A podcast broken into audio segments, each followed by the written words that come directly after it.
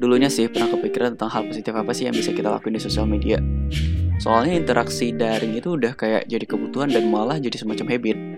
Nah dari sana tuh jadi kepengen berbuat sesuatu yang saat orang-orang nge-scroll sosmed yang mereka lihat itu adalah hal positif yang kita bikin. Tapi ke sini dan makin ke sini, ide awal yang dulunya direncanain itu udah kayak buat apa sih gitu loh.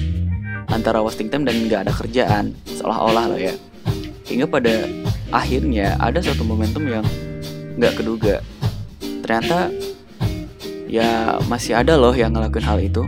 Misal kayak nulis pemikiran mereka tentang satu topik di story atau caption nge-tweet di twitter nge-repost konten-konten positif berita kondisi negara terus kayak nge-share kejadian-kejadian di sekitar mereka yang ibaratnya itu butuh attention dari publik. Dan mereka masih tetap ngelakuin hal itu gitu loh. Mereka nggak mikirin siapa yang bakal lihat dan notice atau abai sama apa yang bakal lakuin. Seolah lu tinggal berbuat baik dan sisanya yang maha tinggi lah yang bakal ngurus. Dan buat kalian guys yang kayak gitu makasih banyak parah. Parah sih. Kalian sangat menginspirasi di tahun 2019 ini